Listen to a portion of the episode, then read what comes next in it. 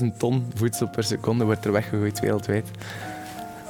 Dat is heel veel. Dat vind, ik zo, dat, dat vind ik niet zo leuk om te horen. Nee, dat is ook niet leuk, maar dat is, dat is een probleem. Maar dat is, dat is ook ongelooflijk wat potentieel.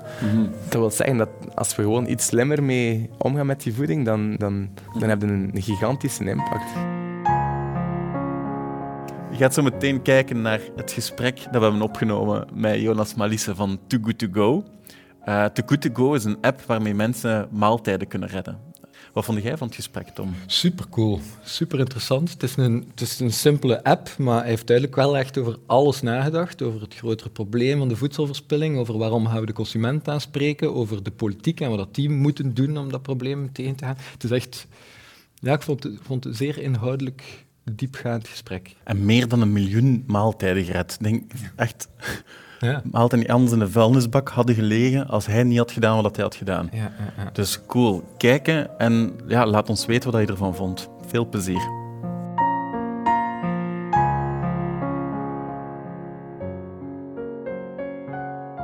Ik heb eigenlijk gewerkt voor een bedrijf die kantoormaterialen verkocht. Ehm, heel kort. Ik wist eigenlijk ook op voorhand dat ik dat niet heel lang ging doen, maar ik wilde een keer zien wat dat zo die echt eh, typische oudbollige wereld was. Ehm, en als je dan gaat kijken, dan kom je terecht in een bedrijf waar alles draait rond bonussen en commissiesystemen en zo. Hoe, oud waren als je daar werkte? Eh 20 en half, ja, net afgestudeerd, direct beginnen werken. En dan genoeg centjes verdiend om op reis te kunnen vertrekken. En dan ook beseft van, amai. Genoeg eh, kantoormateriaal, de markt ingepompt Ja. om uw vliegtuigticket te betalen. Ja, ik kreeg het ook niet over mijn hart, want je kunt dus zelf je prijzen bepalen van, van wat je verkoopt. Maar ik kreeg het niet over mijn hart om aan een familiebedrijf of aan een kleine KMO woekerprijzen aan te rekenen. Dus eigenlijk geef je dan te veel korting, waardoor je zo hebt ja, oei, dan ga ik wel mijn bonus niet halen. Ja, En hoe ja. zit dat nu? Dus, dus zo... Ja, dat, morele wel leuk. dilemma's. Ja, dat is een beetje morele dilemma's. Ik kan het nu toch niet maken. En oké, die secretaresse die kijkt daar niet achter en die is daarover verantwoordelijk. Maar ik kan je toch niet driedubbele van die prijs vragen. En wat deed je dan?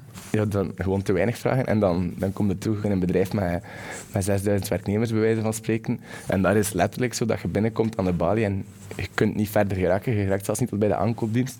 En dan is dat, ik heb je een catalogus mee. En eh, als je nu bestelt voor, weet ik veel, 1500 euro, dan krijg je een gratis keukenrobot of zo. En dan zegt de secretaresse... Doe dat maar. Is dat? Dan krijgt zij die keukenrobot en ze vertelt dat aan iemand waarschijnlijk. En die koopt dan eigenlijk gewoon een keukenrobot van, van 700 euro, bij wijze van spreken, dat je te veel aanrekent. Maar dat zijn, dat zijn geflipte promo's. Ja. Maar dat was wat je deed. Je ging echt gaan met je notto Ja, rondjollen ja. zonder afspraak. Zonder afspraak, gewoon binnenlullen. Ja. Verschrikkelijk, hè? Maar verschrikkelijk. Je moet dat wel, je moet dat wel kunnen. Hè. Je Dat 20 is niet leuk, hè? Hoe in uw auto voordat je, je rijdt op het parkeer? Je hebt Je geparkeerd. rijdt op Ja. de, op de parking, je zit in uw auto en je zet hem uit en het is stil. Ja. Wat denkt je dan? Dan denkt je, ja... In het begin moet een kostuum... Allee, niet alleen in het begin. Je moet een kostuum dragen. Dat is zo de dresscode van, van de company. ik deed dat niet. Dus ik, ik reed dan met mijn leren jas rond. En als er dan iemand van uw collega's kwam opleiding geven, eigenlijk was dat puur controleren, dan zien ze, ja, je hebt weer geen kostuum aan en dit en dat. Dan denkt je van, ja, ik moet hier binnenstappen bij een lokale garagist die al een afkeer heeft van alles wat dat kostuums is, die waarschijnlijk bijna denkt dat ik, dat ik een of andere deurwaarder ben die zijn zak komt leegroven als ik daar binnenkom. En dan komt de vraag dat hij niet wat papier en stilos wat koopt, bij wijze van spreken. Dus dat was, ja... En moest u dan zo... Ik weet niet... o- oppompen of zo? Allee, of, Nee, dat viel eigenlijk wel mee. Je moet daar niet voor gestudeerd hebben of je moet daar in principe niets voor kunnen. Hè. Als, als je goed kunt babbelen, dan, dan Ja. je binnen. En eigenlijk, hoe, hoe meer dat je smalltalk kunt doen, hoe beter. Want je komt altijd in aanraking met, met de persoon die van voor aan de balie zit of, of met, de, met de boekhoudster van, van een klein familiebedrijf. Dus hoe sympathieker dat je doet, hoe leuker dat ze je vinden. En het lijkt mij wel iets wat je, als je zo praat, dat je, dat je kunt. Dat je goed kunt inleven in... Ja, wat dat in de garage, die de garagist denkt als Ja. je binnenwandelt. En, Maar ja, moet ook een beetje denken, want, die mensen zijn niet op zoek naar... Die mensen zijn echt niet aan het wachten op iemand die hen producten komt verkopen dat ze eigenlijk niet nodig hebben en dat ze eigenlijk in, in, in de Carrefour bij wijze van spreken kunnen meehalen. Ja. Dus, dus je komt daar binnen en je vraagt, heb je papier nodig? Ja, het zal wel, die mensen moeten ook facturen printen, maar als je dan een pak papier koopt van 6 euro in de supermarkt of bij mij voor 4 euro, het kwartier dat hij in mij investeert, bij wijze van spreken, is, is het geld niet waard. Ja. Dus dan, dan lapt daar iets bij dat ze denken dat ze nodig hebben. En eigenlijk alles van normen en waarden dat ik heb, stond compleet, compleet tegenovergesteld met wat ik daar deed.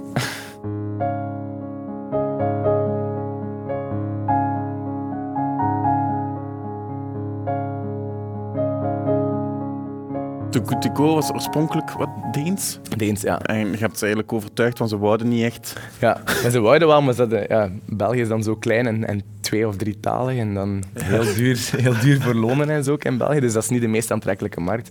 Als je nog niet in, in, in, in Frankrijk zit, nog niet in Nederland, nog niet in, eh, in alle omringende landen die, die groter zijn en interessanter, dan, dan zijn ze niet echt geïnteresseerd in België initieel. Ehm, Hoe, hoe kijken zij ernaar dat je op zo... Want het is echt kort termijn... Ja. Echt gigantisch veel maaltijden hebt gered. Is dat is een normale evolutie in andere landen ook, dat je zo naar miljoenen gaat? Het gaat wel heel snel overal. België en Nederland zijn, zijn allebei super snel gestart. Eh, België was nog een klein beetje sneller. Net omwille van dat, dat onbezonnen jeugdig enthousiasme zijn we gewoon naar, naar 50 handelaren, 100 handelaren in de eerste weken in Gent rondgewandeld en gezegd van hey, doe je mee aan het concept. Ze zeiden wat meer informatie. Ja, we hebben nog niet echt een website en kan u eigenlijk ook nog niet aanmelden of zo. Ik weet eigenlijk zelf nog niet zo goed dat dat werkt.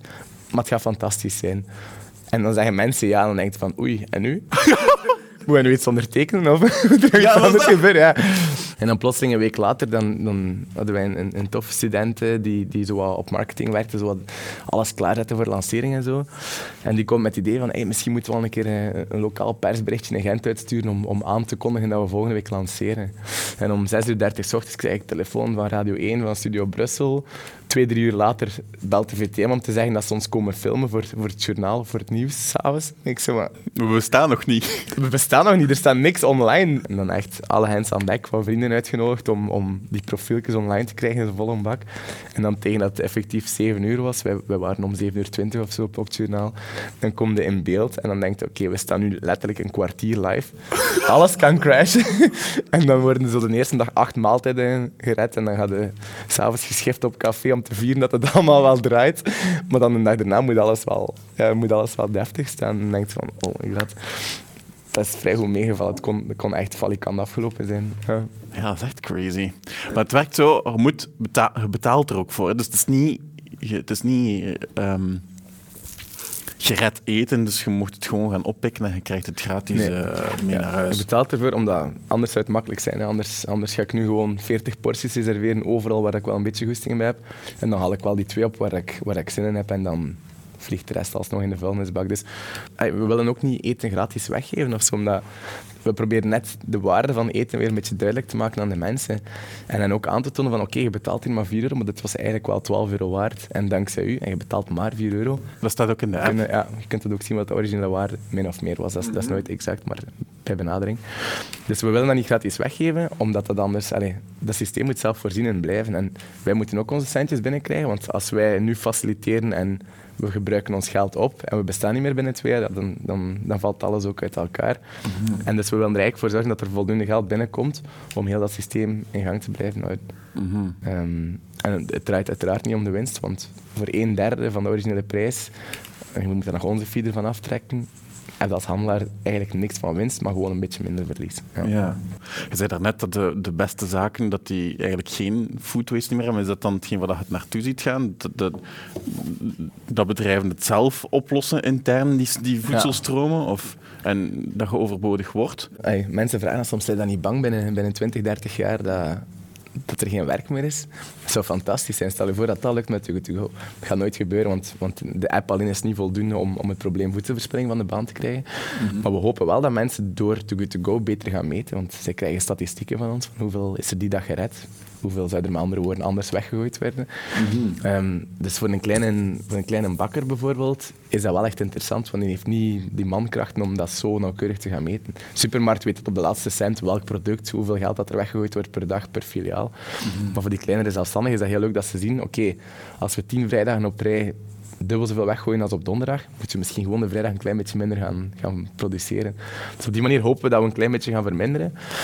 Aan de andere kant, op vandaag redden we met de Good To Go een, een fractie van hetgeen wat er weggegooid wordt. En dan kijken we enkel nog maar bij, bij de laatste schakel in heel die waardeketen. Dus dan hebben we nog de, de producenten, dan de landbouw, dan hebben we nog de distributie, groothandel, transport, alles wat daar verloren gaat, zit er ook nog gigantisch veel potentieel. Dus hoe leuk dat het ook zou zijn om binnen 10, 20 jaar niets meer te verspillen, dat, dat, is gewoon niet realistisch. Dus we hebben wel nog wel werk, denk ik.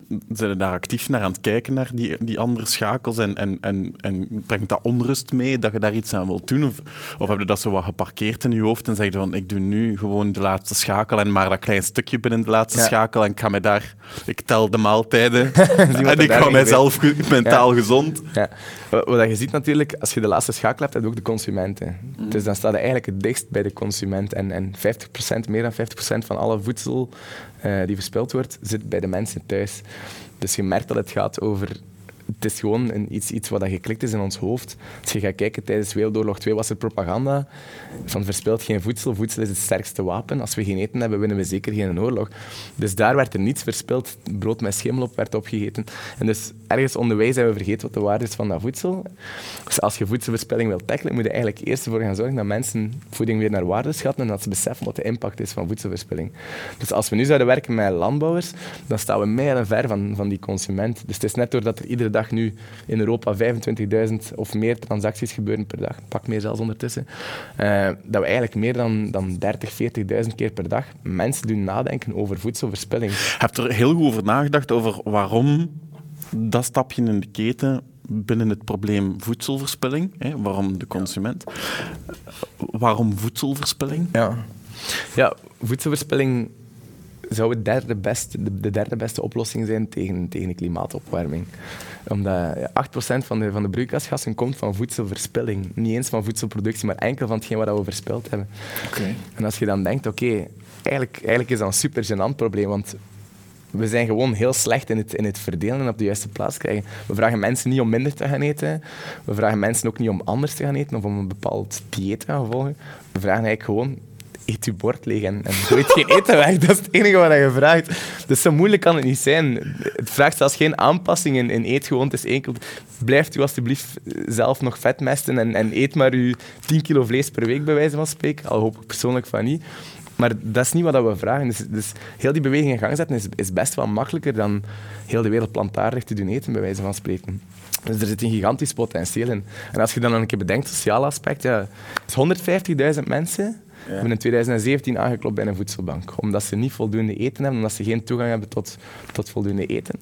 En als we, dat ze honger hebben. Dat ze honger hebben, dat ze gewoon naar bed gaan met honger anders. Ja. En als we één vierde van wat we verspillen op de juiste plaats zouden krijgen, dan al die mensen genoeg om, om drie keer per dag te kunnen eten. Dus dan denk ik van ja, we blijven maar efficiënter landbouw stimuleren en we blijven maar meer produceren. En we blijven heel dat systeem in gang om iedereen te kunnen voeden, maar er is voldoende voedsel. Ze moeten gewoon een keer zien of, dat er, dat er niet ergens anders een oplossing zit in dat systeem.